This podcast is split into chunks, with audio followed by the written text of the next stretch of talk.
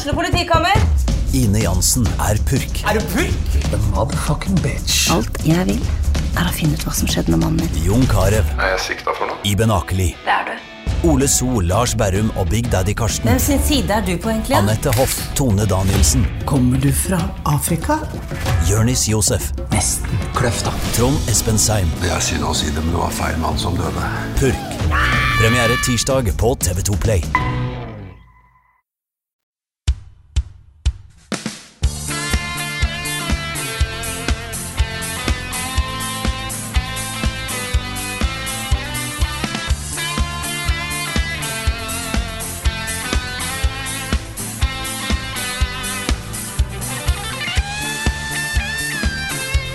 Og der har omsider alle verdens aviser fått med seg hvorfor det var heftig debatt på diverse nettforumer i 2013.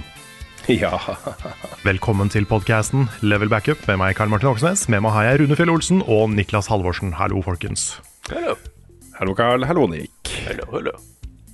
Det var jo uh, mye, mye diskusjon uh, i spillåret 2013, da The Last of Us kom. Og alle fikk oppleve slutten, som vi ikke skal spoile her for de som ikke har sett eh, ferdig TV-serien ennå. Men nå går jo da de samme debattene i eh, massemediene, og det er litt morsomt å se. Ja, det er, jeg syns det er kjempegøy å se. Og um, jeg har jo nevnt flere ganger, da, men uh, slutten på uh, The Last of Us Part 1 Det er jo et slags sånn spillekko av slutten på Sopranos. Og så Det er jo en, en sånn type slutt som som um, sender deg ut på en sånn tankerekke. Som, altså det, det føles som om du er med på å avslutte spillet selv, med hvordan du reflekterer rundt, rundt hva som har skjedd og, og sånne ting. da. Og du plasseres på en måte i et sånt rom hvor, eh, hvor eh, dette universet lever videre, men, men på en måte som på en måte er opp til deg, da. ikke sant? Det var jo derfor vi var litt sånn usikre på hvordan det ville bli da, når de annonsa part to. Fordi eh, det, jeg og mange andre mener slutten på part 1 var så perfekt, ikke sant? og satt så pris på den, den slutten. Ja, det er nok en av, hvis ikke favorittslutten min på et spill. Oi, oi, oi. Part 1, altså. Part 2 Ja. også syns jeg er en bra slutt, men jeg syns part 1 spesielt er en kongeslutt. Ja, det er en utrolig sterk slutt. Jeg syns den blir mindre sterk når det kommer en part 2. Ja, fordi det er, det er det jo. Det er sant.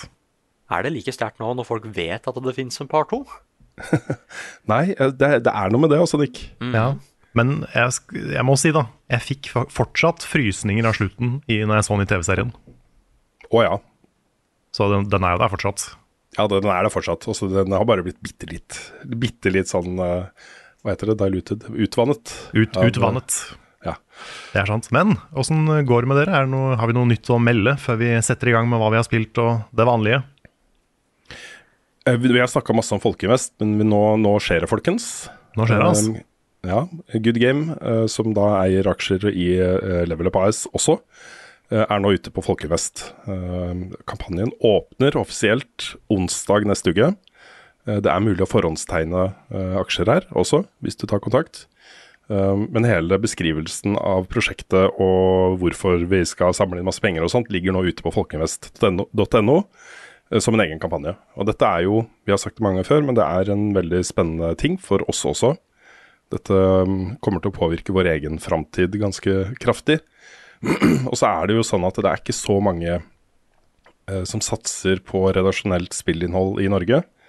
Eh, og i den pakka her så har du jo både gamer.no og LevelUp, som er liksom med Vær varsom-plakaten og journalister og satt, skriver om å lage video om og lage podkast om dataspill som journalister. Det, det syns jeg er viktig. Jeg syns det er viktig. Um, og um, jeg har lyst til at det prosjektet her skal fortsette, uh, med på en måte det som fokus, da. Det er jo, vi er jo Patreon-finansiert i Level Up, så det er jo sånn vi har overlevd i, i sju år. Dette er jo en separat ting som handler om aksjer. Absolutt. Så det er en sånn viktig forskjell som kanskje er greit å poengtere for de som ikke vet helt hva Folkeinvest er for noe og sånn, men dette er jo eh, en, en måte man kan komme inn som aksjeeier i Good Game som helhet, da. Som igjen eier 51% av oss. Det er mye sånn Det er mye business her. Ja, det er en investering. Hvis du, hvis du har tro på det prosjektet her, og at, uh, at det kan ha en framtid, så, så kan du jo tjene penger på det, rett og slett. Så man, det er jo derfor man kjøper, kjøper aksjer. Men uh, det fins jo også sånn derre Folk kjøper jo også aksjer fordi de har lyst til å støtte ting de brenner for. Med sånn miljøsatsinger og, og sånne ting. Sosiale satsinger. Så, så man kan jo se det på begge måter. Men det er jo primært da retta mot de som tenker at ja, dataspill, vet du, det er noe greier. Dette har vekst. Dataspill og Snusbonden. Snusbonden gjør det bra på Folkeinvest. Ja da, det var noen dager igjen, men det, jeg ser han eh, er på vei. Er på vei opp. Tetris. Skyrim. Destiny 2. The Sims. Edderkoppkabal. Destiny 2. Animal Crossing. Pokémon Cola eller Pokémon Pepsi. Destiny 2. Guitar Hero. Kingdom Hearts Bohemian Boogaloo. Destiny 2. Level Ups spilleliste. Det er en litt eh, rolig uke på spillutgivelsesfronten denne uka her, så vi har ikke spilt så mye nytt, men vi har spilt mer av ting vi allerede har eh, spilt. Så jeg kan jo begynne litt, eh, litt forsiktig med å si at jeg nå har fått ut anmeldelsen min av Wild Hearts. Ja, ja, ja. Det ble en litt sånn guide slash anmeldelse av det spillet. Vi har pleid å gjøre det med Monster Hunter-type spill. Ja, men jeg liker din her. Ja, jeg er alltid litt usikker på liksom, kommer, kommer publikum til å akseptere denne, denne, dette formatet på en anmeldelse. Men så Litt av grunnen til det er fordi det er så Målet i spillet er veldig enkelt, men mekanikken er veldig komplisert. Så det, er, det, er veldig, det lønner seg å vise lange klipp med gameplay. Og forklare litt hva man driver med, liksom, for å få et ordentlig inntrykk av hva spillet er for noe. da. Så det er litt derfor vi gjør det på den måten. Men uh, den er ute, så den kan man eh, gå og se når, eh, når og hvis man vil. Jeg har runda spillet. Kommer til, kommer til rulleteksten. Det var, det var en kul final boss. Oi. Så jeg skal ikke si mer enn det, men jeg, er, eh, jeg koste meg med det. Altså. Det er et sånt spill jeg ble mer og mer glad i jo mer jeg spilte det. For jeg var jo ganske lunken i starten. Da jeg brukte de der svære, tunge våpnene mine og ikke kom ordentlig inn i det. Men så fant jeg Clawblade, så da ble det gøy. Mm, fant jeg Attack on Titan. Jeg fant Attack on Titan. For det, det er jo one to one Attack on Titan, Det er jo Det, det, akkurat det det er. Liksom. Mm. Du svipper rundt og kutter og herjer. Ja, kan du liksom dra i snora for å komme rett inn til monsteret og så bare spinne rundt. Det er så kult. Mm. Men eh, nei, så jeg endte opp på på åtte av ti, og det er ganske høy score. Det er en høy score. I hvert fall til et spill som er så eh, Som kopierer et annet spill så mye. At det får det til så bra, det er veldig, veldig cred. Jeg, jeg falt aldri helt for Dauntless, liksom. Det gjorde kanskje du mer, Nick. Ja, det var litt mer sånn fast-paced uh, Monster Hunter. Litt, er Spill for kidsa der, vet du. litt fa fast food Monster Hunter. Nei, det var jo ikke det jeg sa. Jeg sa at det var fast, bare. Ja, Ikke noe dårligere enn det. Nei, det var egentlig bare Hver kamp kunne bli gjort på sånn tre-fire minutter. Ting gikk mye raskere, liksom. ja. Det er sant. Men det er, jeg synes det er kult at det kommer litt, eh, litt utfordrere til, eh, til den serien. Mm. For det har jo bare vært Monster Hunter som har brukt den oppskriften før. Så det er, eh, det er gøy. Så blir det spennende å se om det kommer mye mer ekstra content til spillet. For det er også en eh, Monster Hunter-ting. At det kommer en del sånn gratis updates. Mm. Og så kan vi jo plugge at eh, på, på lørdag så skal de bra barbarer igjen. Oh. Som de harde hunters. Ja, ja, ja, ja, ja. Så det kommer første episode på lørdag. Jeg avslutter oh, anmeldelsen med en liten trailer til, eh, til de harde hunters. Jeg syns det var så fint. Bare, hva, hva er lyden? Og jeg kjenner den igjen. Bare åh. Okay, it's happening. Nei, det, det, var så, det var så gøy, ass. Så det Håper folk liker det, altså. Jeg håper det. Vi skal jo spille mer på lørdag. Nei, i morgen. Holdt på å si Er det spoiler å si hva den siste bossen var, eller er det liksom Ja, åssen da, mener du? Liksom hvilke, hva slags dyr var det? Eller er det, Ja, det er spoiler. er det hva, hva kan det være? Skal vi se, nå må jeg tenke litt. Ja, for det er, det er ikke det du forventer. Å ja, det er brennmanet eller noe sånt sikkert, da, som svever. Ja, En. Hafuf, en Hafuf, eller hva de heter fra God of War. Ja, En sånn ha- half-goofa. Yes. En, en full, sjøhest. full goofa. Mm, eller det er, kanskje det er Red Panda, kanskje du- det er derfor du likte den så godt. Så det er liksom, Åh, nei, da hadde jeg blitt lei. Da hadde jeg ikke hatt lyst til å ta den. Eller den der kaninen fra Monty Python, liksom. ja, den derre mordekaninen. Mm. Men, eh, men nei, så det, det, er, det er Wild Hearts. Hva med deg, Nick? Har du spilt noe nytt og spennende? Jeg har vært litt mer innom Wildarts, jeg òg, men egentlig bare for å grinde de vi har tatt før, på en måte. Mm. For å få litt bedre equipment og sånn. Fordi jeg følger historien med de harde hunters. Det er det jeg skal gjøre. Ja, nice. Så du blir, alt, alt som skjer, kommer til å være ferskt for deg og Svens. Så Det er du, kult. så kan du være vår eh, sensei from the future, liksom. Ja, da kan jeg sitte stille og bare Hm, ja, nå, nå skjer det ting. Ja, vet, vet, Tvinne vet, ja gi karakteren din bart eller skjegg, liksom, så er det enda bedre. Ja, kanskje det. Det kan jeg gjøre. Ja. vært ute i det før, liksom. Mm. Eh, ellers så har jeg eh, fortsatt på eh, Octopath Traveler, som Ja. blir bare bedre og bedre, dere. Det er eh, Begynner å bli alvorlig nysgjerrig på det spillet. Åh, det er så magisk. Og det er faktisk så gøy at jeg er litt sånn derre Vel, jeg sa jo aldri at Eller jo, kanskje jeg sa det, men kanskje jeg skal ljuge litt her òg, da. Um, fordi jeg sa at jeg skulle anmelde det. Men jeg begynte å liksom se at uh, nå har jeg anmeldt mange av de spillene jeg har sett frem til. Og det er gøy, det òg. Men det var et eller annet å bare sette seg ned med det og bare Dæven, la oss ikke tenke på anmeldelser i et par timer nå. Bare kose seg, liksom. Jeg trenger ikke å spille på en bestemt måte for at dette opptaket skal se bra ut, liksom. Og nå har jeg begynt å Det, det er tidenes kosespill akkurat nå.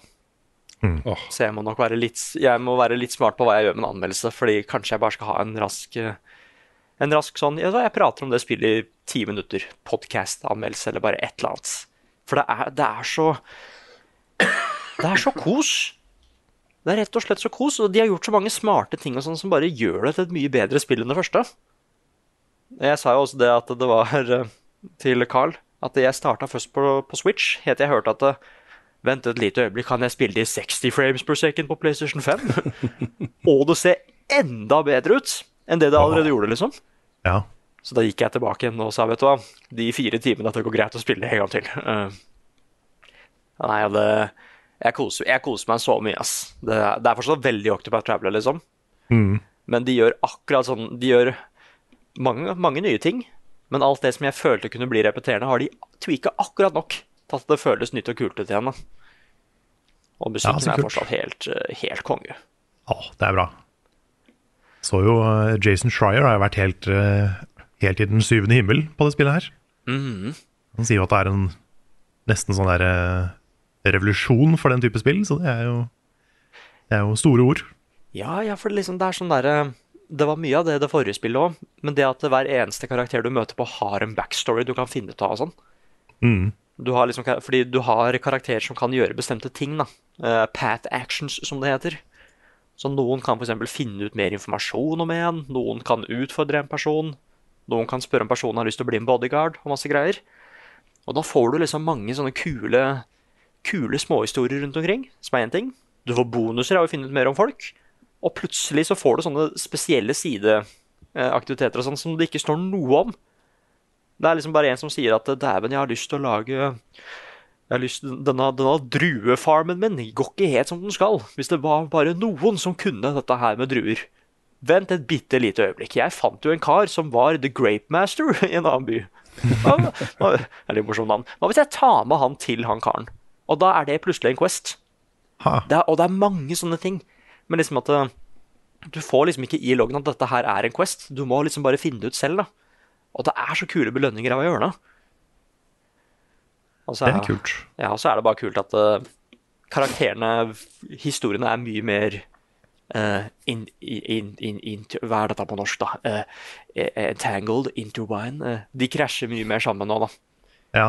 Det syns jeg er litt kult. Så det er mye mer sånn Du finner ikke ut på slutten av historien at å ja, dette er sammenhengen. Her er det mye mer klart til å begynne med. At det er en kobling med flere av dem. Det er jo det jeg savna i det første. Det er kjempebra. Ja, jeg kan jo si at det, er ikke helt sånn som du kanskje ser etter, med at gruppa prater mye mer sammen og ting og tang, men det føles mye mer ut som at ok, dette er en person i den andre delen av verden som gjør ting, og her er en annen person, liksom. Det er ikke mer det. De går liksom til de samme byene, og ting som du ikke får helt informasjon liksom 100% informasjon om, blir klarere da, når de andre folka ankommer den byen og sånn. Ja. ja, fordi jeg er litt sånn svak for den der eh, partydynamikken i sånne spill. Mm. Altså, jeg er veldig glad i rollefigurer som prater sammen og blir kjent og får et forhold til hverandre etter hvert, liksom. Ja, ja. Og det, det er kanskje grunnen til at det første Octopath Traveler ikke traff så hardt for meg. Ja, jeg ser det. For, for de, var så sånn, de var så separert fra hverandre. Selv om de gikk sammen, så var de på en måte ikke egentlig der. Mm. Men eh, hvis det er litt mer av det her, så kanskje det er nok til at det funker for meg. Ja, fordi det er ikke en full on Fellowship of the Ring. At det liksom en hel gjeng reiser sammen og prater og blir bedre kjent og sånn. Det er det ikke. Men det er Nei. mye mer interaksjon med dem. Som jeg har sett, da. Og det er veldig, veldig kult. Nei, og så er det ja, en nye kule mechanics rundt omkring. Og jeg blir litt sånn Vent, var det sånn i det første spillet? Ja, det var det, men det er bare bedre nå. Nei, så ah, Jeg liker det så godt. Og mens andre har spilt da superkjapt, nå har jeg spilt hele The Last of Us igjen, nå som serien var over. Ja, part one. Part one, bare for å Jeg tror fortsatt jeg liker det originale, den originale stilen litt bedre, altså. Men overgangen der er helt crazy. Det er liksom Hvor De ansiktsanimasjonene, altså. Mm. Herregud. Ja, de er, de er kanskje best in the biz. Ja, det, det ser Det ser nesten litt for bra ut.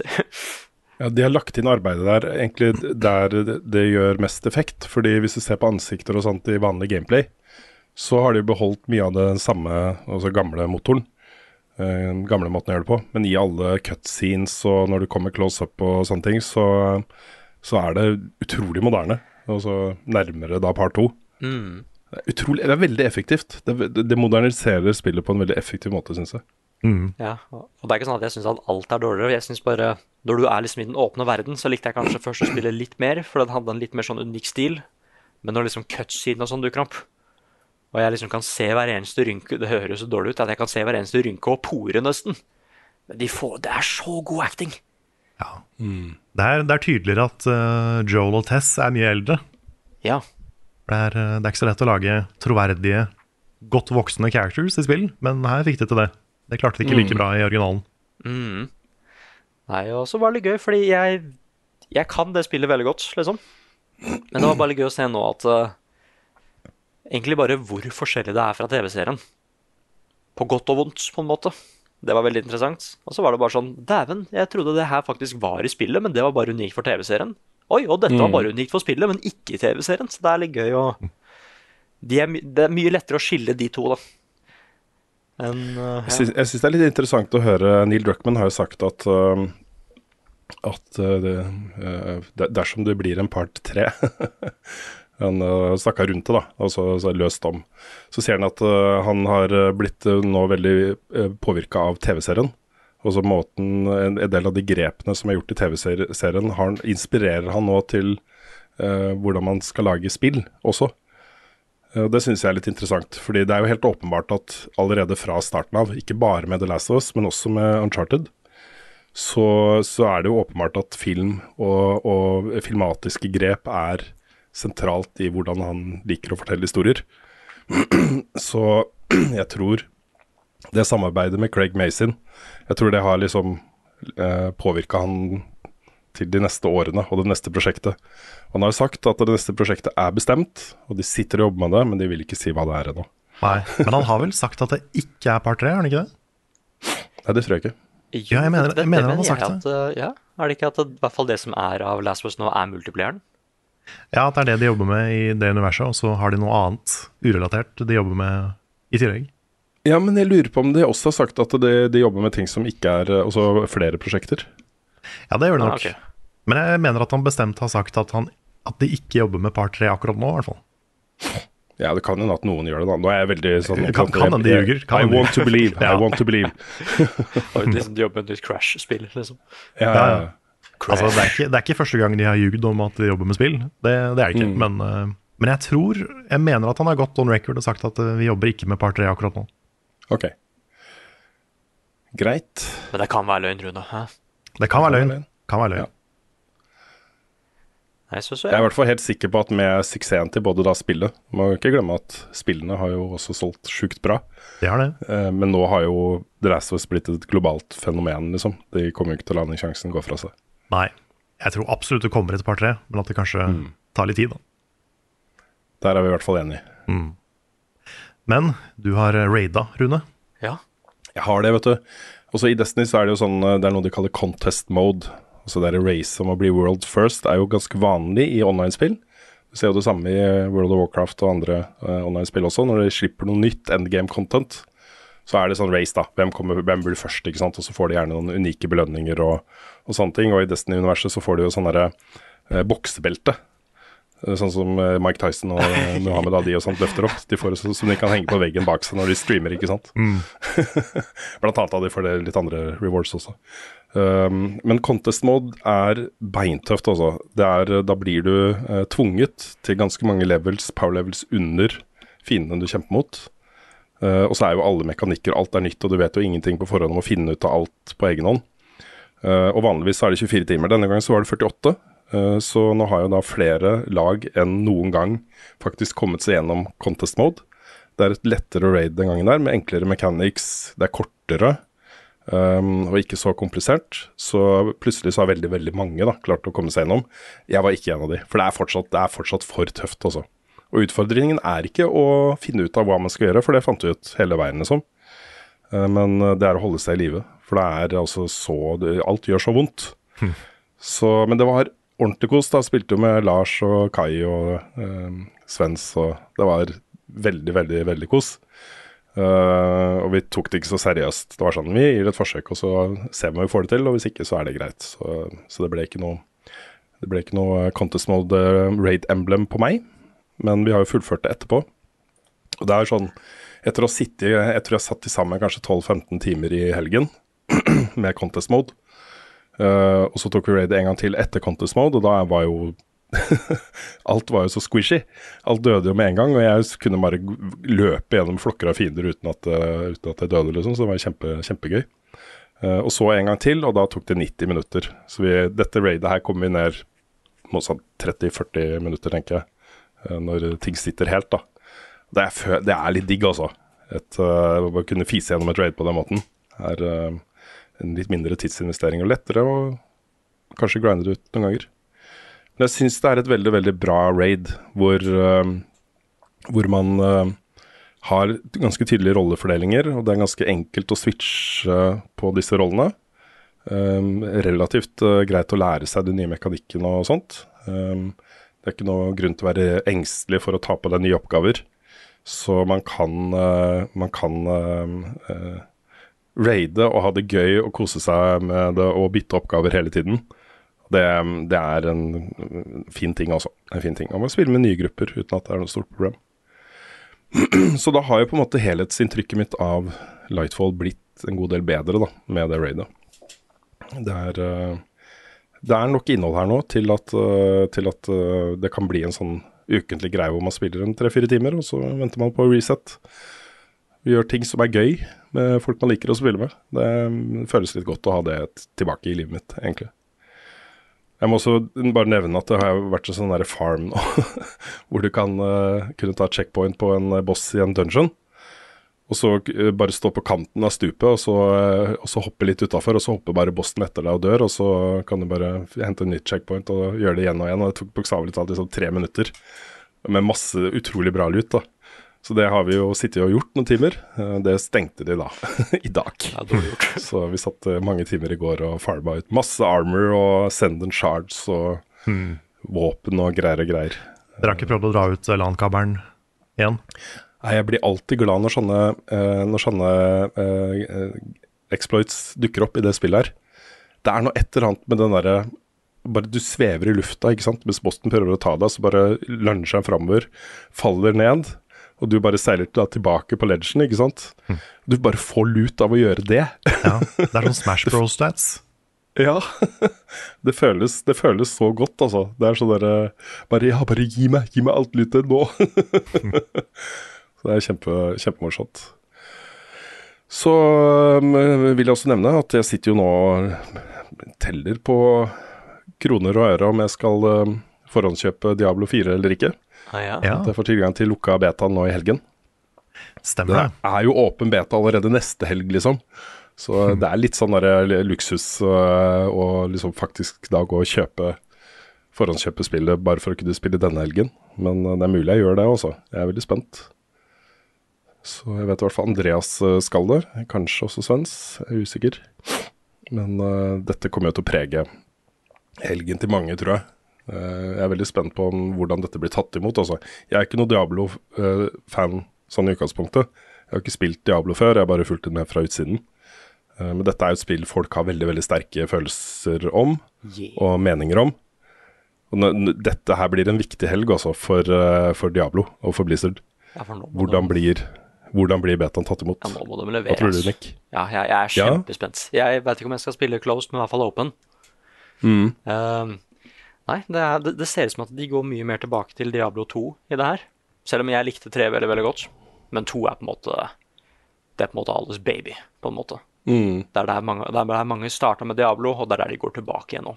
Siden der var ting så customization var så tight, rett og slett. Nei, så jeg er veldig, veldig spent. Mm. Det er også, jeg husker ikke hvor mye som skulle være tilgjengelig i den betaen, men det skal være en god chunk av eh, spillet. Og det lanseres jo da 6. juni, hvis jeg ikke husker helt feil. Oh. Så det er ikke så langt unna. Nå hender det jo at de oppdager da i sånne betafaser at det ikke er eh, helt sånn som fansen vil ha det. At de går litt tilbake på tegnbrett og gjør noen endringer som gjør at ting blir utsatt. Så det er også spennende å se da, om, eh, om det er tilfellet her. Ja, jeg, jeg gleder meg til jeg, til jeg får det første sånn 9-10 av 10-spillet i år. For det har ikke jeg fått ennå. Nå, nå har ikke jeg spilt Dead Space, da, men, eh, men sånn ja, Jeg har spilt mye som har vært sånn 7-8. Ja, for Dead Space er 9-10 av 10. Ja, det er det. Men det er for skummelt, så jeg har ikke spilt. Ja, men, Men, eh, er det så skummelt, da? Det er Sier jeg det skummelt. man som har spilt Ja, det ti ganger? Er det så skummelt? Ja. Du kan nok bli vant til det, men det er litt, det er litt skummelt. Ja. Nei, Octopath, Carl. Ja, kanskje, kanskje jeg skal spille Octopath. Så jeg har lyst til å nevne, jeg har jo sånn fast midnattsrituale. Det er sjelden jeg, jeg kan ikke huske sist jeg la meg før midnatt. Men eh, midnatt så blir det jo uh, Wordle refresha. Ja, du spiller fortsatt Wordle? Jeg spiller fortsatt Wordle, og i, um, i natt så fullførte jeg, fullførte jeg min 364. Wordle-puzzle. Oi, oi, Så da, når det blir midnatt nå, så har jeg spilt da eh, 365 dager. Åh, Wordle. da unnlokker du shotgun. Ja. Jeg holdt på å si det er nesten et år, men det er faktisk et år. Ja, det er faktisk et år, det, Nick. Har dere prøvd vann fra springen? Jeg har sett en ny TV-serie ja, nå, vet du. Dette albumet må dere høre. TV-spill er ganske stas. Det er en serie som foregår in space. YouTube.com der er det en kul nettside. Level Ups anbefaling. Det er tid nok en gang for en hverdagsanbefaling Oh shit. fra meg. Og ukas hverdagsanbefaling er sjokonøtt. Wow. Har dere, er har, har dere kjøpt sjokonøtt? Nei. Uh, usikker. Det er jo liksom, det er jo basically Nutella, Ja. men bare Å ja, det er pålegg. Ja, pålegg. Oh, ja, okay, da har jeg sikkert smakt det. Jeg, jeg, helt, jeg trodde det var den der advokatreklamen med de som spiser godteri. Å ja, nei. Dette er, uh, dette er et uh, sjokoladepålegg. Okay. Da regner jeg også med det er nøtt i det, i og med at det heter sjokonøtt. Mhm. Men jeg anbefaler det ikke som pålegg. Det er, det er godt som pålegg. Men hvis du har is i fryseren, Ja. bruker sjokonøtt på toppen av isen, Ja, ja. Det er den beste desserten i verden. Sjokolade på is, altså. Det er Ja. jo eh, genialt, Carl. Det er ganske genialt. Det tror jeg ingen har tenkt på før. Nei, ingen som har tenkt på sjokolade på is. Og du, du kan til og med, hvis du er veldig kjapp, ikke gjør det for lenge, så kan du varme sjokonøtten litt i mikrobølgeovnen, Og litt sånn der sjokolade som flyter litt oppå isen. som flyter litt opp på isen. Ja, det bare det her, eh, ikke sant. Det her burde du tatt patent på, Carl. Jeg burde det. jeg burde det. Men, men det, hvis du kombinerer da en sjokonøtt, for det er jo egentlig et pålegg, ikke sant? Så, Ja, du kan ja. gjøre det samme med Nutella. Men øh, varme det litt opp i mikrobølgeovnen. Ikke mer enn 20 sekunder, for da begynner det å brenne seg og lukte fælt og sånn. ja, ja. Så vær forsiktig med det.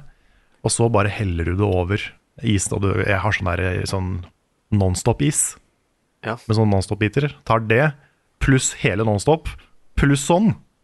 Det er den minst sunne anbefalingen jeg noen gang har kommet med, tror jeg, men det er, det er så godt. Det er den beste desserten. Dæven døtte, men Carl, jeg som er en sånn filthy casual når det kommer til issmaker og sånn, som stort sett egentlig bare går for jordbær og vanilje, Ja, er dette fortsatt godt? det er fortsatt godt. Oh. For jeg, jeg er en sånn som liker Jeg liker de to, som du sa nå, Nick, i tressisen. Ja, jeg òg. Men jeg liker ikke sjokoladeisen. Nei, også der. Men sjokolade på is er dritgodt. Min favorittis er faktisk um, sånn Sunday, som jo er vaniljeis med sjokolade og krem. det er det beste isen. Dæven døtte, jeg ser på krukka nå, den er jo gul og greier òg, ikke sant? Ja, den er gul. Wow. Og det var et pålegg som het sjokonøtt for mange år siden da jeg var liten. Litt usikker på om det er det samme, om det er den samme sjokonøtten, eller om det bare er noe annet som heter det samme. Men it's pretty good. Åssen fant du det ut? Skjeda du deg, liksom? Eller var det sånn Nei, de bare plutselig dukka opp i butikken. Så, ah, Nei, nei, ås- åssen fant du ut at det var bra med is? Å ja, det er, det er kjæresten min. Å ja, ok, greit. Ja, hun har introdusert meg for mye, mye bra topping på dessert. Ja, men åssen fant hun det ut? Nei, det vet jeg ikke, jeg skal spørre henne neste gang. Jeg gjør det, for liksom var det bare Ja, jeg, jeg kan jo bytte tallerken når jeg skal spise is, men nå er det noe sjokonøtt der, òg. ja, men kanskje det går fint. Og så var Det det er litt sånn som da sånn som da menneskene fant opp ilden. Liksom. Ja, første, første menneske som la seg under en ku og begynte å trykke på de der for å få melk. Det, det, Marie sa dette kan, dette kan vi drikke. Her kommer Neder med Rune Fjellosen, og han har ikke hår. Vi eh, begynner med en nyhet som eh, også er en um, uh, informasjon, egentlig, om ting som, eh, som vi skal gjøre snart. Uh, og det er da full disclosure, uh, noe vi blir betalt for å gjøre. Uh, det er nemlig duket for påsken, og da for tredje gang skal Komplett ha online, som er rett og slett et LAN-party på Discord. Det er en egen online Discord-server hvor det vil da skje ting gjennom hele den første påskehelgen. Eh, Vi skal ha vårt eget indiehjørne på den serveren. Hvor vi skal eh, Vi har ikke helt bestemt oss for når ennå, men det blir i to bolker hver dag da, de tre dagene. eh, spille indiespill og kose oss inne på vårt rom. Og det skjedde jo mye gøy forrige gang. Det gjorde det. Vi har jo vi har valgt å strekke, strekke definisjonen av indie litt. Så vi har jo spilt Ja, vi- eh, Monopol og litt sånne mods og litt sånne forskjellige typer ting. Det er sant, det. Men, eh, men det har pleid å være veldig god stemning. Mm. Vi spilte vel Little Nightmares 1, spilte Nick Ja, i fjor. stemmer. Så eh, mye, mye gøy. Jeg har eh, allerede begynt å snakke om hva vi skal streame, så eh, det blir da det Discord-streams, ikke? Twitch-streams. Nei, Var det ikke noe Elden Ring sist også? Spilte vi ikke noe Elden Ring også? Eller Nei, fant, jeg fantes, fantes ikke Elden Ring sist? Gjorde ikke det? Jo, det Jo, gjorde for det Jo, kommer jo, gjorde februar, og påsken er jo i Ja, det stemmer det. stemmer det. Nei, jeg tror ikke det var El... Var det det? Eller vi spilte noe From Software, i hvert fall. Ja, vi har spilt Dark Souls Randomizer, i hvert fall. Ja, riktig, Et riktig. eller riktig. annet, et av åra. Mm. Nei, men uansett da, så starter jo dette her 31. mars klokka 12 på formiddagen, og varer da eh, tre døgn. Så eh, vi kommer til å være der, og det blir, eh, det blir veldig stas også. Det blir kjempegøy. Så jeg tror veldig mange av oss, også inkludert en del av frilanserne, kommer til å være involvert der. Jeg har Mm. sendt inn eh, brukerlandet til alle sammen, til, eh, til Komplett. Så, så bare noter det i kalenderen. Dette kommer til å bli gøy. Så er det ikke så mange um, sånne kjempestore nyhetssaker denne uka her, så det blir en kort nyhetsspalte. Uh, men jeg har lyst til å starte med Horizon Forbidden West Burning Shores, som er den første, uh, og kanskje eneste, store delscenen til, uh, til Forbidden West, som kommer nå snart. Nå husker jeg ikke datoen i farta. Um, det er vel i april, tror jeg. Men uansett, den kommer jo da bare på PlayStation 5, ikke på PS4. Og det var jo masse kontroverser rundt rundt eh, beslutningen da, om å gi ut spillet på både PS4 og PS5 da Forbidden West kom. Jeg husker det var mange som var sure, fordi da får man jo ikke utnytta liksom alle de, de grafiske mulighetene i PlayStation 5 fullt ut. Når man må tenke på at det også skal ut på PS4. Da kan det jo se ut som om Gorilla er enig i det, da. For det er jo sånn de argumenterer når de skal forklare hvorfor det bare kommer på PS5. De snakker da om alle disse grafiske, nye grafiske greiene de skal ha inn i spillet, som da ikke vil være teknisk mulig på PS4, ikke sant.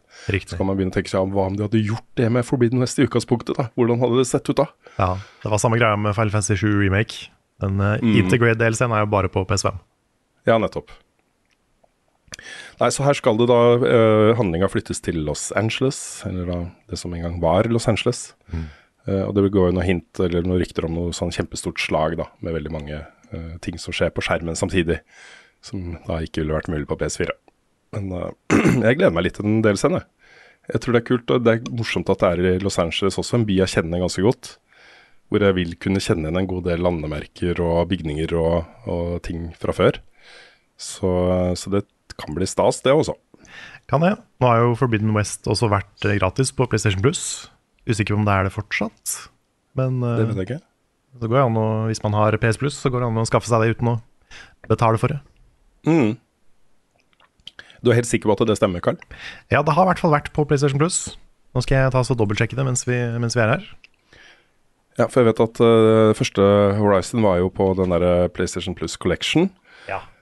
Um, men ok. Det har kommet et par hva, sorry, hva Har du funnet ut nå? Her står det Horizon Forbidden West can now be played for free. Febru Februar 2023. Ok. Så det, om det fortsatt gjelder, er jeg ikke helt sikker på, men det har i hvert fall vært gratis. Ja, det gjelder ikke når vi er ute i 16. 16. mars. Men, Men all right. Det... Ja, men det er ikke, for det er ikke sikkert det er en del av de månedlige greiene. Å nei. Jeg skal, skal fortsette å leite litt. Ok, da nevner jeg at det har kommet et par gameplay-trailere eh, siste uka som jeg syns var såpass bra at jeg har lyst til å bare nevne det her. Det ene er jo da fra Hyperlight Breaker, Ja. som hadde da sin gameplay-debut eh, denne uka her. Riktig. Eh, dette er jo oppfølgeren til Hyperlight Drifter, men eh, i motsetning til da eh, Drifter, så er dette spillet her i fullstendig sånn åpen verden, procedurally generated. Jeg ser litt sånn Breath of the Wild-inspirasjon her, og, og litt sånn generell åpen verden-ting. Uh, og i traileren så snakker de om sånn endless builds, endless weapons, endless Det er liksom ikke måte på hvor mye variasjon det skal være i det spillet. Jeg synes altså det så så fett ut. Det så så bra ut. Uh, og der vil det da komme Early Access til høsten. Um, den andre gameplay-traileren var fra Atlas Fallen, som er et spill vi har fulgt ganske tett med på, egentlig. Dette er jo fra utviklerne av uh, The Surge og uh, Lords of the Fallen, som nå kanskje nærmer seg litt mer God of War, action adventure-sjangeren.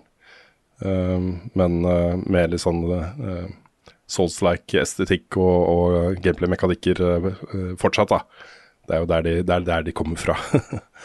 um, og det jeg også syns den gameplay-traileren så kjempebra ut, men uh, det er veldig vanskelig å si da om det er representativt for spillopplevelse eller ikke. Men du fikk jo se alt fra masse sånn miljønavigering, det at du fiser gjennom store, flotte, vakre landskaper og sånt, og veldig up close and personal med kjempesvære bosser og veldig sånn spektakulært. Så jeg syns det var en god gameplay-trailer. Som gjorde meg enda mer eh, nysgjerrig og optimistisk da, på at dette faktisk kan bli bra. Har dere sett den? Ja, jeg så den. Det var sandsurfing der og sånn òg. Mm. Nice.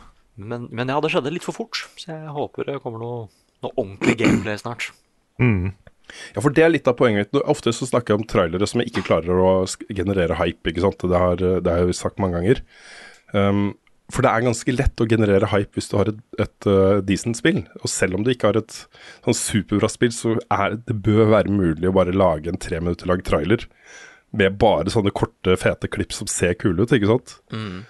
Hvis ikke du klarer det, så blir jeg skeptisk. Men her uh, er det i hvert fall disse sekvensene som de viste fram her. Hvis spillet er sånn, så blir det bra.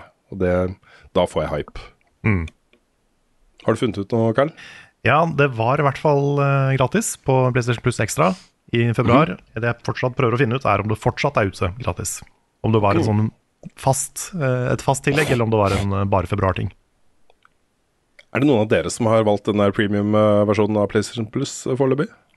Jeg hadde den i en måneds tid. Jeg har den ikke nå lenger, tror jeg. Nei, jeg har også bare den eh, vel Essential den heter, den grunnpakka. Den som på en måte er tilsvarende den som var før. Stemmer. Så jeg, jeg har ikke noe oversikt over hva som er på, på de to andre. Eh, dessverre. Og så en eh, siste nyhetssak som, eh, som eh, er med på å eh, Hva skal man si? Hva slags forhold vi har til det kommende etere. For det vil jo være et etere i år, med messehaller og utstillere og sånne ting. Fra før av så vet vi at Nintendo ikke vil være en av dem. Sony vil ikke være en av dem, og nå har også Microsoft sagt at de skal ikke ha en tilstedeværelse på presse... Eller på messegulvet, ikke på pressegulvet, på messegulvet. Oh boy. Det tok litt tid, Så- men jeg fant det. Okay. Okay. Det er fortsatt gratis på PlayStation Plus Extra. ekstra okay. greit. Så hvis du har ekstra, så får du eh, gratis eh, Forbidden West. Ja, eller premium, da, fordi eh, den har jo alt som ekstra her. I tillegg Riktig. til masse annet. Riktig. Mm. Men ok, ikke noe Microsoft, Sony eller Nintendo på messegulvet. Og det har jo alltid vært de største standsa. Det har det. Altså de som har vært mest greie rundt. Men det har ikke vært de eneste standsa. Det vil nok være en del, hvert fall sånn tredjeparts uh, PlayStation og Xbox og Nintendo-spill på messa likevel, fra andre utviklere. Kanskje Ubisoft bare får hele lokalet. Ja, jeg tenkte det. Ja, det kan jo hende. Uh, Microsoft sier også nå, eller bekrefter da, at eh, den pressekonferansen de skal ha i forbindelse med E3, uh, bare vil være digital. Så de skal ikke ha en sånn sal i Los Angeles med masse folk og Nei, de gjenlevende Beatles-medlemmene på scenen og sånne ting. Ah. Nei. Nei, da blir det et ganske avstumpa etere. Ja, E3 er eh, også Det er litt avhengig av hva slags type avtale man kan gjøre på forhånd. Mm. for det vil nok være mulig å, å få en del ganske interessante intervjuavtaler og, og sånt. Men øhm, det, det ser vel ut som om i hvert fall etere i seg selv ikke vil være en god nok grunn til å eh, sette av så mye penger som må til da, for å reise over dit for å dekke det. Nei, det er sant. Jeg er veldig spent på når eh, om Summer Game Fest kommer til å være samme uka. Ja, jeg, jeg tror det er rett og slett Jeg tror det er rett før. Jeg mener å huske at Summer Game Fest er liksom på torsdagen, og så er det helgen, og så er det etere uka etter. Ja, det var vel sånn i fjor, var det ikke det? Ja, for jeg, jeg, jeg tror det er sånn i år også, men det er ikke 100% sikker. Eh, Men det har allerede begynt å komme litt mailer med spørsmål om noen skal på Summer Game Fest fra da utgivere. Eh, og da er det snakk om sånn type intervjuavtaler og sånn, ikke sant. Så for å gjøre litt research her, finne ut om det er verdt å dra eller ikke. Eh, det hadde vært veldig gøy, altså. Men eh, det må jo kunne forsvares redaksjonelt. Det må det. Og så, det skal jo litt til for at vi eh, Jeg har lyst til at vi skal få til streams i tillegg, da. At vi skal få liksom dekka disse konferansene live når de skjer. Det Jeg tror ikke det er noe problem, fordi vi får ikke sendt hele gjengen til USA uansett, kanskje. Nei, det er sant. Det er veldig sant. Men også liksom, kanskje vi kan joine fra hotellrommet og sitte og se på det der. Hvis ikke vi er i salen. Ja, det er sant. Hva er dines best, hvor var fredag sist? Har Carl egentlig sopp? Ukens spørsmål. Vi skal svare på spørsmål igjen, nok en gang, som vi pleier å gjøre. Og Rune, du har første spørsmål. Ja, for det er flere som har kommentert på Discord eh, den nye eh, reklamen vi lagde forrige uke. um, det har jo blitt en del av det etter hvert, og liksom på fagspråket så heter det jo natives. Altså Natives. annonser der vi lager annonsen, det er ikke en spot. Det er ikke noe vi får tilsendt, eller vi, vi vet ikke hva det er engang. Vi bare vet hvem annonsøren er. Der kommer det mailer hele tiden fra moderne media sånn eh, Disney Pluss har en ny kampanje, er det greit at vi legger en spot på podkasten deres? Og så sier jeg OK. og så kommer den bare, og jeg vet ikke sant.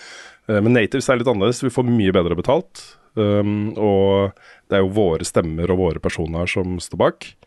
Uh, og vi har jo Vi tok en ganske lang og, og god diskusjon på hva slags format det skulle være på den type annonser, fordi det hadde vi ikke gjort før. Men da vi gikk inn i, da vi inngikk, inngikk dette samarbeidet med moderne media, og de skulle selge annonser, så måtte vi ta stilling til det. Hvordan skal vi lage native annonser til podkasten? Da kommer vi fort fram til to grunnprinsipper. Det ene er at vi ikke eh, eh, vil akseptere noen annonser der vi må anbefale noe. Hvor vi med våre stemmer må si at dette produktet er dritbra. Mm. Liksom Å være den salgsplakaten. Ja, hvis man har hørt på en del amerikanske podcaster spesielt, da, så er det jo veldig Mm. mye av sånn her Ja, den tannbørsten har forandra livet mitt, og jeg bruker den hver dag, og jeg er så Mm. fornøyd, og liksom Og, og det, det er så lite troverdig. Ja. Og det, det føles så ekkelt, i hvert fall når man er journalister, og det man sier med sin egen stemme, burde, burde være ærlig. Nettopp. Så er det et litt liksom problematisk eh, det, er, det, er litt, det er noen issues med det. Absolutt. Uh, jeg ville nok ha valgt, hvis vi måtte det, hvis det var det vi måtte gjøre for å få disse Nato-annonsene, så hadde jeg valgt å ikke ha de. Mm. Det, de pengene hadde takka nei til, og det hadde jo vært litt synd, for det blir jo en del penger i løpet av et år. Uh, men det andre prinsippet var jo at vi uh, hadde lyst til å gjøre det til en sketsj. Altså hvis vi klarer å lage humor rundt disse kampanjene for alt fra liksom ja, Comfy Balls til uh, Manscaped og alle de greiene vi har lagd annonse for. Mm. Uh, hvis vi klarer å lage humor rundt det, som kanskje ligner litt av det innholdet vi lager ellers, så kanskje vi til og med har det gøy når vi lager det. Hvor det kan være morsomt for oss å lage det, og det kan være liksom tilfredsstillende og gøy, og faktisk innhold, da, content, som er uh, humor vi står for.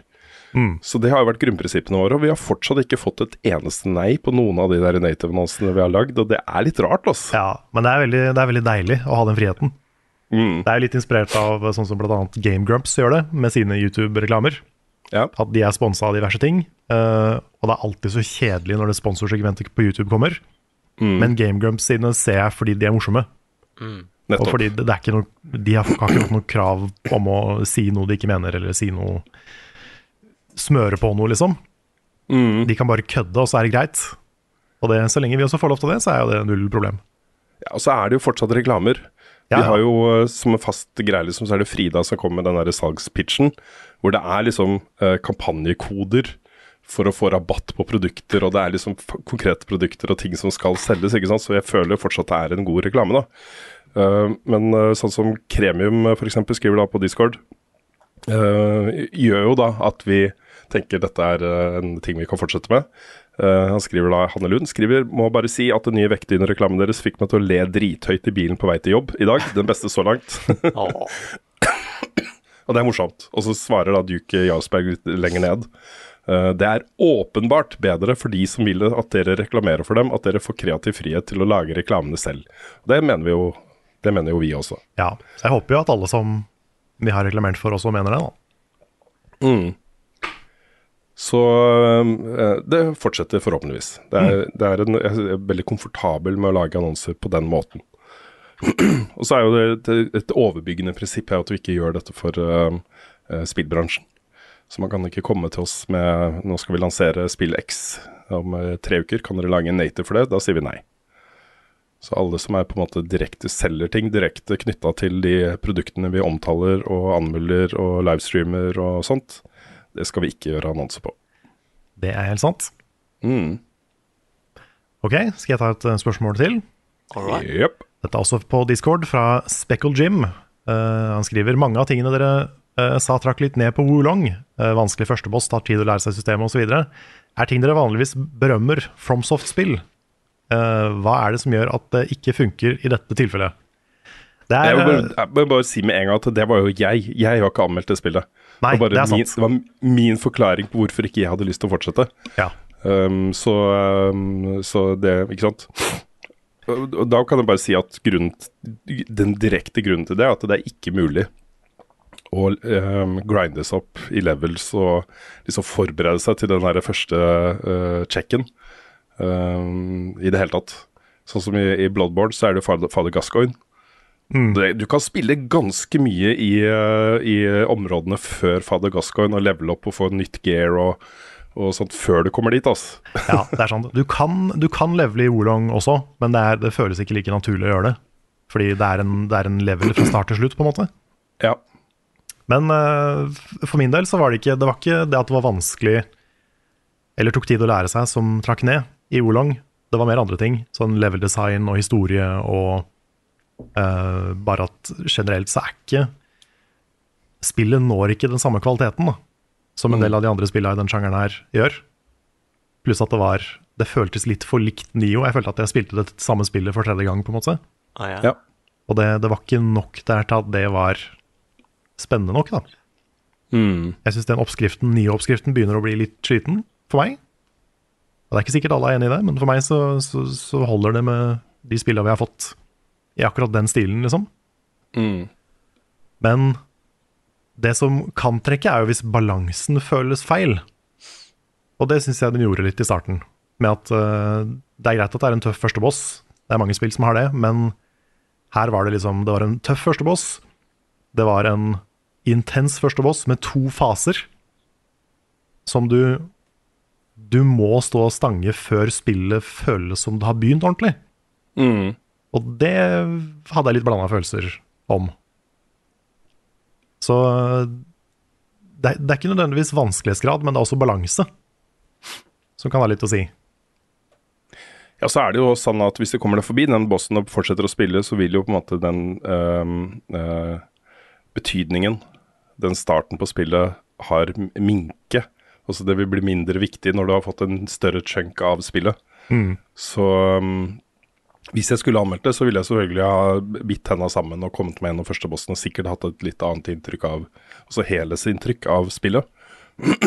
Men dette handla mer om um, hva jeg hadde lyst til å prioritere og bruke tiden min på.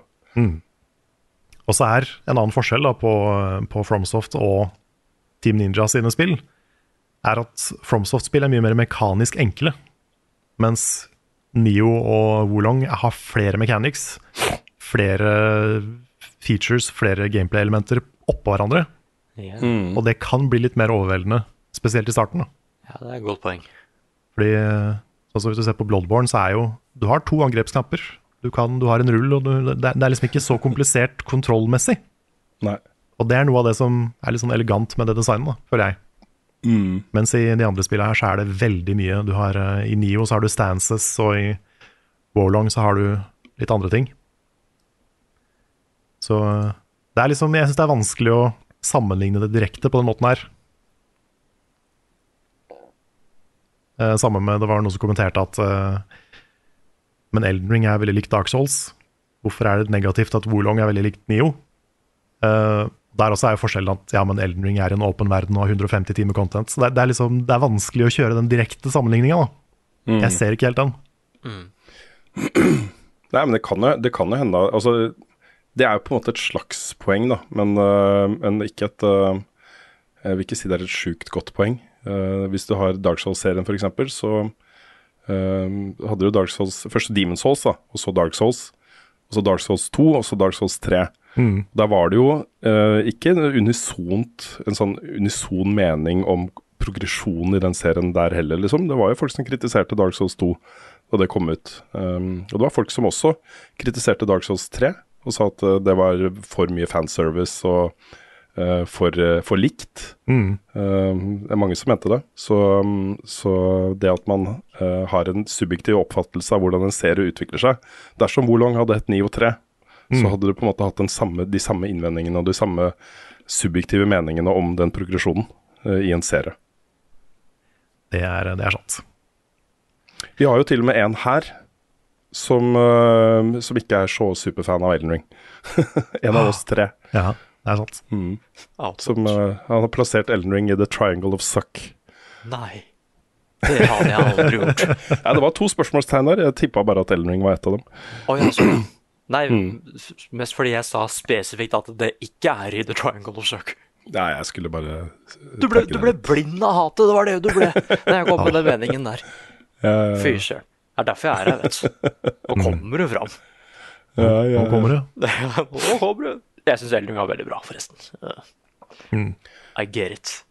Mm. Har du et eh, spørsmål, Nick? Jeg har et uh, spørsmål her, fra, og det er flere som har spurt om det nå, fra Resident Evil 35. 35. spillet, altså. Mm. Eh, spør hei, blir det noen flere videoer i Hollownick-serien?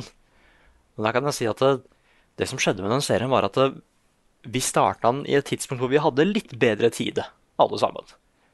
Da er vi litt mer busy. Det er én ting. Det er også litt flere Let's Plays på kanalen vår enn da den serien starta. Men jeg kan si at jeg har veldig lyst til å fullføre den serien. Mm. Fordi det, det, er noe der, altså. Det er det. Det er jo det er ikke uten grunn at jeg tok det opp i klassikeren. Jeg hørte du er litt glad i det. Jeg er ganske glad i Hollow Night. Nei, og Jeg liker utfordringen. Og så var det med det at eh, vi snakka litt om åssen vi egentlig skulle gjort det hvis vi fortsetter serien. Hvis vi fortsetter å ha dårlig tid. Og vi tenkte jo at det kanskje kunne vært gøy å streame resten. Men jeg syns den dynamikken som skjer når vi sitter i det samme rommet, er litt spesiell. Mm. Og jeg, ikke at vi er, vi er fortsatt ganske morsomme over streams og sånn, så klart. Men jeg ser også liksom med Immortality nå at det er en litt annen eh, morsom stemning når vi er i det samme rommet og spiller i den samme sofaen og sånn. Så ja, jeg har lyst til å fullføre den, jeg vet bare ikke helt når det skjer. Og da vil jeg veldig gjerne at det skal skje i den sofaen. Mm. Mm. Så det. I agree. Yeah. Jeg må eh, se opp igjen hvor vi var og hva vi har gjort og sånn, fordi det er lenge siden. Ja, jeg må, jeg, holdt på å si, jeg, må, jeg må gjøre leksene mine, for nå er det litt lenge siden sist. Mm. Det er jo det er jeg kan ta fra Sifu og putte inn i Hollow da. Eh, Ja, Sikkert.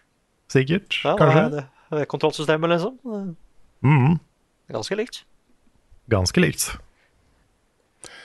Kan jeg ta et spørsmål her fra Arild Sundby? Ja. Det kan du. Um, det han er i samme båt som mange andre, som eh, har liksom oppdaga at å, shit, eh, dette Elden Ring-spillet fikk en del Game of the Year-priser og sånt. Kanskje endelig burde kommet meg i gang med å få spilt det. det er flere venner av meg som er på akkurat samme greia. Um, han skriver da at han har kommet seg gjennom uh, Elden Ring og har tenkt å starte på ny gjennomspilling med en annen bild, samt gjøre de NPC-questene jeg gikk glipp av.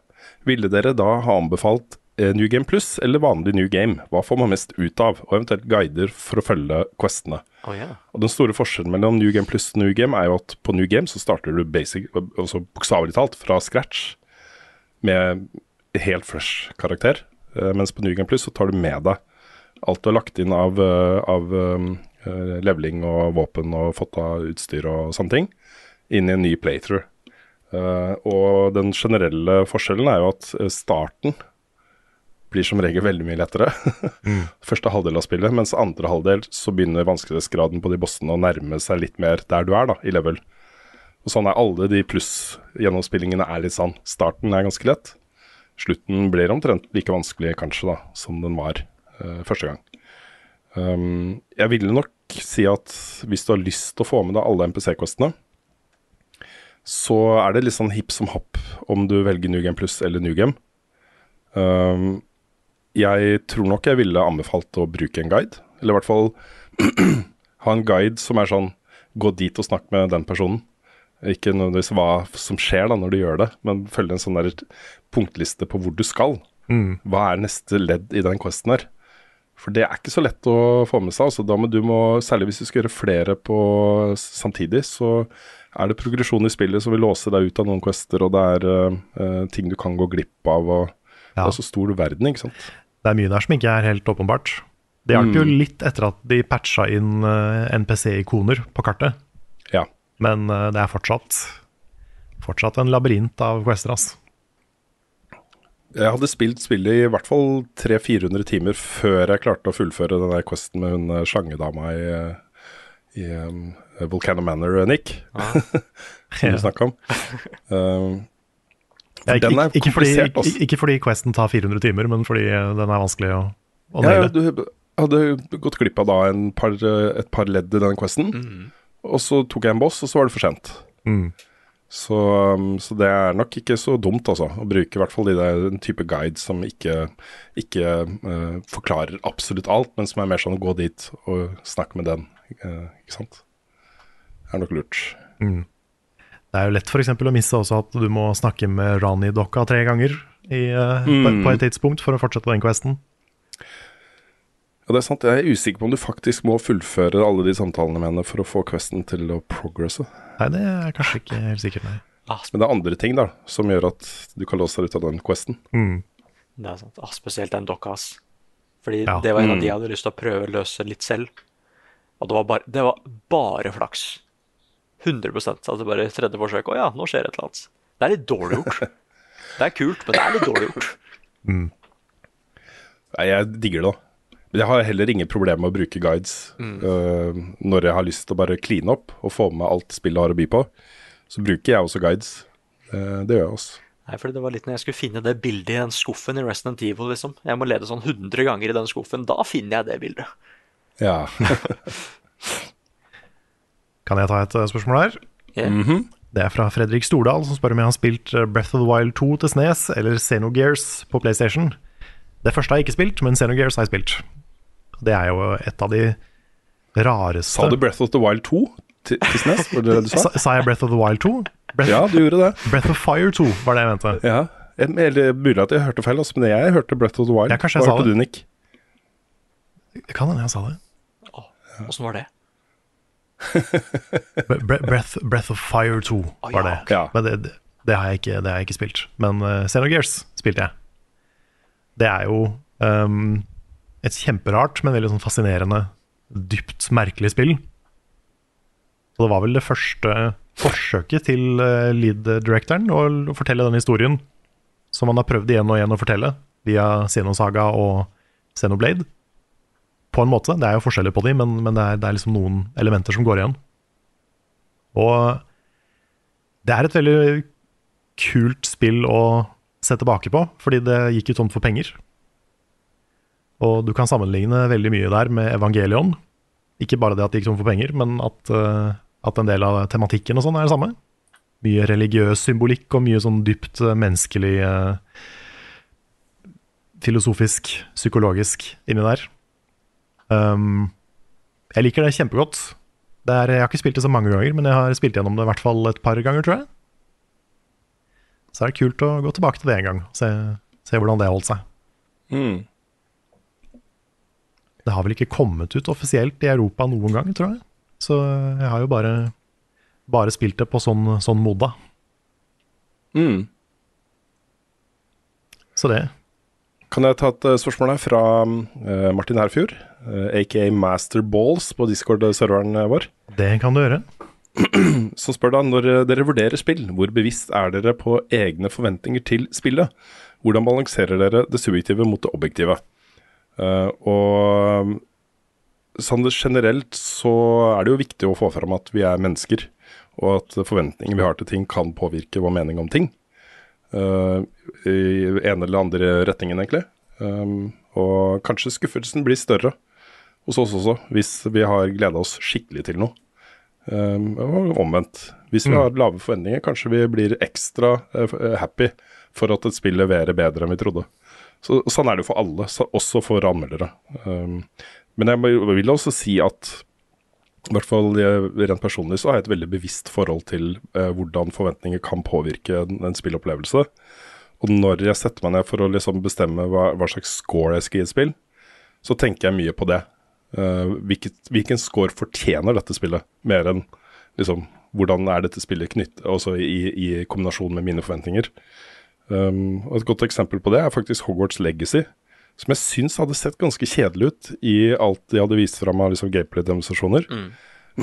Det så ut som et, et, et litt sånn derre post- som plakatspill fra Harry Potter-universet, som var litt sånn åpenbart uh, mynta på å bare gi folk den der følelsen av Ok, du får lov til å utforske Harry Potter-universet, men hva mer, da? Hva mer er, byr dette universet på? Der var det ingenting som hadde fått meg til å bare Ja, shit, det her ser dritbra ut. Eh, Så det overraska meg positivt når jeg satte meg ned for å bestemme meg for eh, score på det spillet. Helt uavhengig av alle de andre diskusjonene rundt dette spillet, så ga jeg det den scoren jeg syns det fortjente. Eh, helt uavhengig av hva jeg hadde forventa. Mm. Så jeg tror nok vi er såpass bevisste på det at vi sjelden lar de forventningene påvirke en score altfor mye, i hvert fall. Nei, Jeg tenker litt på det med God of War. Nå, er ikke, anmeldte jo ikke jeg noen av de, men uh, det er jo Det er en veldig annen situasjon å gå inn i God of War 2018 og forvente det God of War var, og så få det. Bare shit, oh, ja. dette er jo noe helt annet. Eh, satt opp mot å starte God of War Ragnarok når du vet veldig godt hva du kan forvente. Og du får i ganske stor grad det du tror du kommer til å få. Da. Det er jo to veldig forskjellige utgangspunkt. Ja, så merker jeg så stor forskjell. Det har jo vært noen sånne tilfeller av shadow drops av eh, ting som uh, kommer litt fra ingenting, og du vet ikke noe om det på forhånd og setter deg med helt blanke ark.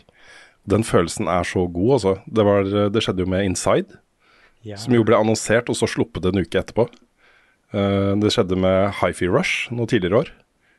Det, det, da får du et eksempel da, på hvordan, hvordan det å gå inn i spillopplevelser uten noen forventning på forhånd kan føles, og det er en ganske bra ting. Så, men jeg har sett herregud så mange spilltrailere. Jeg har, sett, jeg har sikkert sett en million spilltrailere. Jeg vet jo at de ofte ikke er representative for uh, spilleopplevelsen. Det er ganske greit bygd inn i, i ryggraden min. Altså. Ja, det er, det er sant. Yes, skal jeg ta et spørsmål til her? Ja. Det er et ganske rett på sak-spørsmål fra Kåre Edvard uh, Tunes. Hva gleder dere dere mest til dette året? Å ja. Ja. Er jo- Av spill, eller Ja, jeg, generelt? jeg tolka det som av spill. ja. Ja. Jeg veit ikke hva generelt er ennå, liksom. Det, Nei. men uh... Jeg har i hvert fall tre. Å ja. ja, for jeg har Spiderman. Ja, Spider- Spiderman er jo for så vidt et fjerde. Men eh, Og det var er ikke det jo- en av de tre. Å, fy det var ikke en av de tre, for det, det er Selda og Final Fantasy 16 og Silk Song. Ah, Ja, Men, ok. men, da. men Spiderman nå er jo oppi der. Men eh, Final Fantasy er jeg faktisk veldig spent på nå. Mm, Same. samme. Men det er ikke det samme hype-nivået som jeg har til eh, Starfield. Starfield er mitt, mitt 2023-spill. Det, er den- det er den store tingen som ligger der og venter. Ja. Den er litt skummel òg, for man vet ikke om det blir kjempebra eller ikke. Er sånn. Jeg aner ikke. Men det, det, det er et godt eksempel på et spill jeg vil skal bli bra. Mm. Oh, jeg gleder meg sånn. Virkelig, altså. Jeg gleder meg sånn den perioden å bare sette meg ned og bare Nå skal jeg sitte her i ti timer og Mm. kose meg med open world science fiction. Åh, jeg håper sånn når vi får tidligkode av det spillet, også, for det har jeg lyst til å spille uten, uh, uten guides eller noen ting. Mm. Jeg er dritspent. Jeg er så spent på det spillet. Altså. Det blir veldig spennende å følge det. Yeah. Mm. Har dere noen flere spørsmål, eller skal vi tenke på å runde av? Kan jeg ta en sånn rask en som er litt eh, Det er flere som har spurt om det. Ok? Det er flere som har spurt om vi skal lage spoilercast av The Last of Us-serien. Ja, Jeg har litt lyst, jeg òg. jeg også har lyst. Vi har snakka litt om det. Ja. Jeg er der. jeg blir med vi- på det hvis noen eh, flere vil. Ja, men da, da prøver vi å få til det. Ja, for det, det Mm. var liksom ikke bare en en kopi av spillet. Så da er det gøy å snakke om Da kan vi gå litt inn i dybden på det første spillet òg samtidig, ikke sant? Det er to sant. fluer i en smekk. Så må vi ta en vurdering på om vi skal spoile part to eller ikke i spoilercasten. Ja, det føler jeg kan være en egen seksjon. Ja, kanskje vi må, vi må dele det opp i seksjon, ja. Ja, at nå er vi er ferdig lurt. med serien, men nå kommer det spoilers for hva vi kan forvente, liksom. Mm. Det er en god idé. Det er en veldig god idé. Men da Jeg er med. Nice, nice. Da skal vi bare finne time and place, og så eh, prøver vi å få til det. Nice. Jeg har litt sansen for de som kjører sånne der, uh, ukentlige spoilercasts, holdt jeg på å si. Podkaster hvor de diskuterer seg gjennom episoder og sånt. Ja, det også kan vi gjøre en gang. Med, Mm. med en ny spillrelatert serie. Tomb Raider eller God of War, kanskje. For eksempel. Eller ny sesong av Castlevania når den kommer. Ja, den nye serien, ja. Ja. Men den blir kanskje gitt ut som eh, binge, gjør den ikke det? Å nei, det tenkte jeg ikke på! Det er jo helt sant. Det er jo Netflix som tuller og sånn. Men Hvis de ikke gjør det, så hadde det vært en, Mm. kul, eh, en kul ting. Det hadde det. Og med det så runder vi av denne episoden av Level Backup, en podkast utgitt av moderne media. Låten i introen og outroen er skrevet av Ole Sønnik Larsen og arrangert og framført av Kyosho Orchestra. Da gjorde det helt riktig. Å, fy Ja, Har du skrevet det ned, eller? Ikke skrevet det ned. Jeg bare Kult. klarte det til slutt. Bra. Ja. Vignettene er lagd av fantastiske Martin Herfjord. Du finner eh, så å si alt innhold, innholdet vårt på eh, youtube.com slash levelupnord. Og når vi streamer, finner du oss på twitch.tv slash levelupnord. Du kan eh, backe oss på Patron med så mye eller lite du bare vil.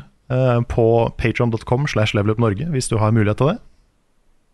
Vi har en eh, spreadshop, en, eh, en merch-shop på myspreadshop.no. Levelupnorge.myspreadshop.no. Eh, Discord. Discord.gg slash levelupnorge. For å, for å joine vårt trivelige community. Yeah. Og det tror jeg var alle tinga. Høres sånn ut. Ja, så da, da gjenstår det bare å si takk for oss. Takk for at du hørte på denne episoden av Level Backup, og så høres vi igjen neste uke.